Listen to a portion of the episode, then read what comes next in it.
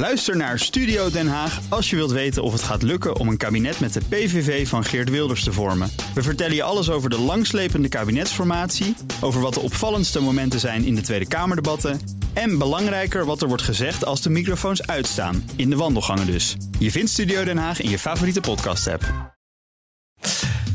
Factgoeroes. Ja, we gaan daartoe naar Frank Leeman. Frank, goedemorgen.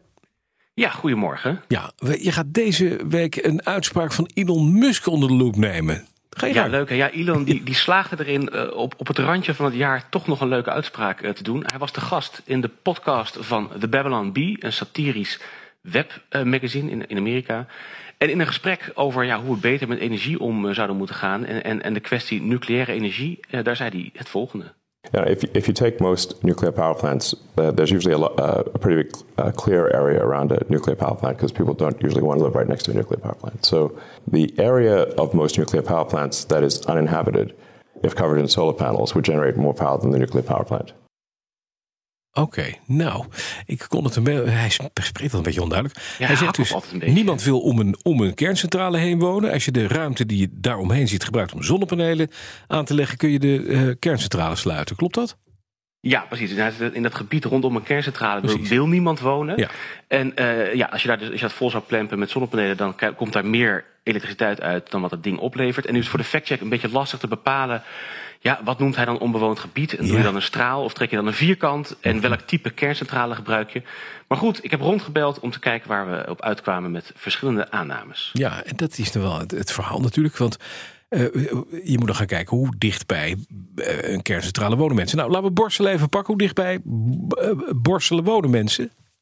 Nou, eh, het dorp Borselen ligt op grofweg een kilometer hemelsbreed vanaf de kerncentrale. En de kerncentrale zelf ligt op ongeveer 60 hectare eh, terrein. En eh, energiedeskundige en emeritus hoogleraar Wim Turkenburg... Ja, die maakte de volgende berekening op basis van die 60 hectare terrein waar de centrale op ligt. Ik heb een kerncentrale die bestaat uit twee kernreactoren. Een 1600 megawatt, dus totaal 3200 megawatt. Voor zo'n kerncentrale heb je 60 hectare nodig. Dus 0,6 vierkante kilometer. Als je op dat terrein zonnepanelen neerlegt, nou, dan heb je een vermogen van 90 megawatt bij zonne-energie. En op hetzelfde terrein dus 3200 megawatt bij kernenergie. Oké. Ja, dus de, dat neem je dus fabrieksterrein echt tot aan het hek. In dit geval even dan van Borselen eh, qua oppervlakte. Nou, wat hij zei, 90 megawatt versus 3200 megawatt. Dus dat is maar 2 procent. Hè? En het wordt sterker nog alleen nog maar ongunstiger als je dan rekening gaat houden met dag en nacht en de hoeveelheid zonuren in Nederland in een jaar. Het algemene, het algehele rendement. En dat verschil wordt dus nog groter. En daarover nog een keer Wim Turkenburg. Je zit op factor 300 minder energieopbrengst met zonne-energie op dat oppervlak dan met kernenergie.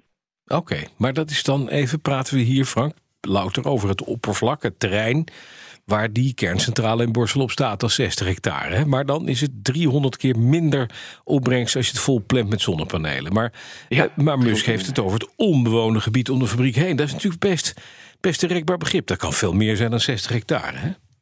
Ja, en eh, dat heeft eh, professor Cornelis Blok uitgerekend, even via e-mail. Nou, dorp Borselen, ik zei het al, ligt op ongeveer een kilometer afstand.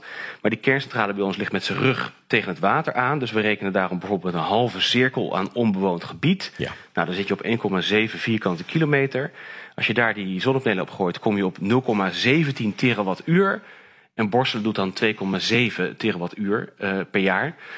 Dus dat is al niet meer een factor 300 en nog maar een factor 15. Nou, en als je dan wat gunstiger wil maken, en je neemt niet een halve cirkel, maar een hele cirkel.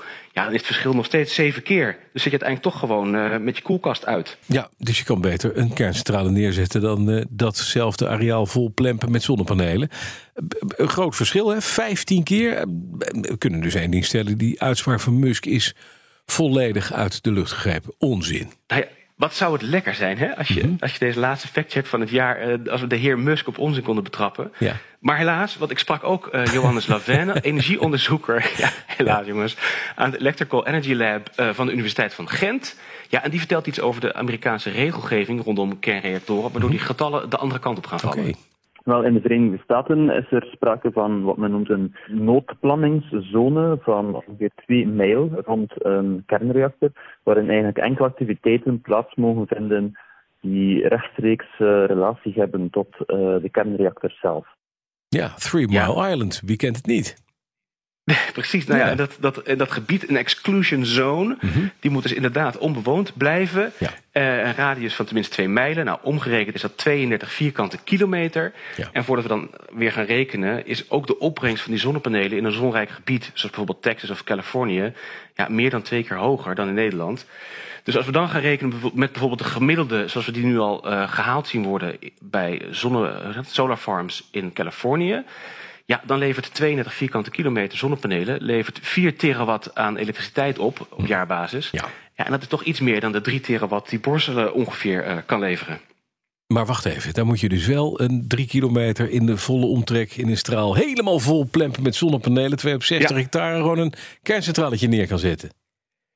Ja, dat moet je inderdaad wel doen. En sterker nog, eh, dus hij, hij, hij heeft dus eigenlijk gelijk, kort door de bocht gezegd. ja, maar goed, ja. ja. er zijn natuurlijk heel veel soorten kerncentrales in de wereld. Ja. En ook nog wel een stuk krachtiger dan eh, die van ons in Borselen.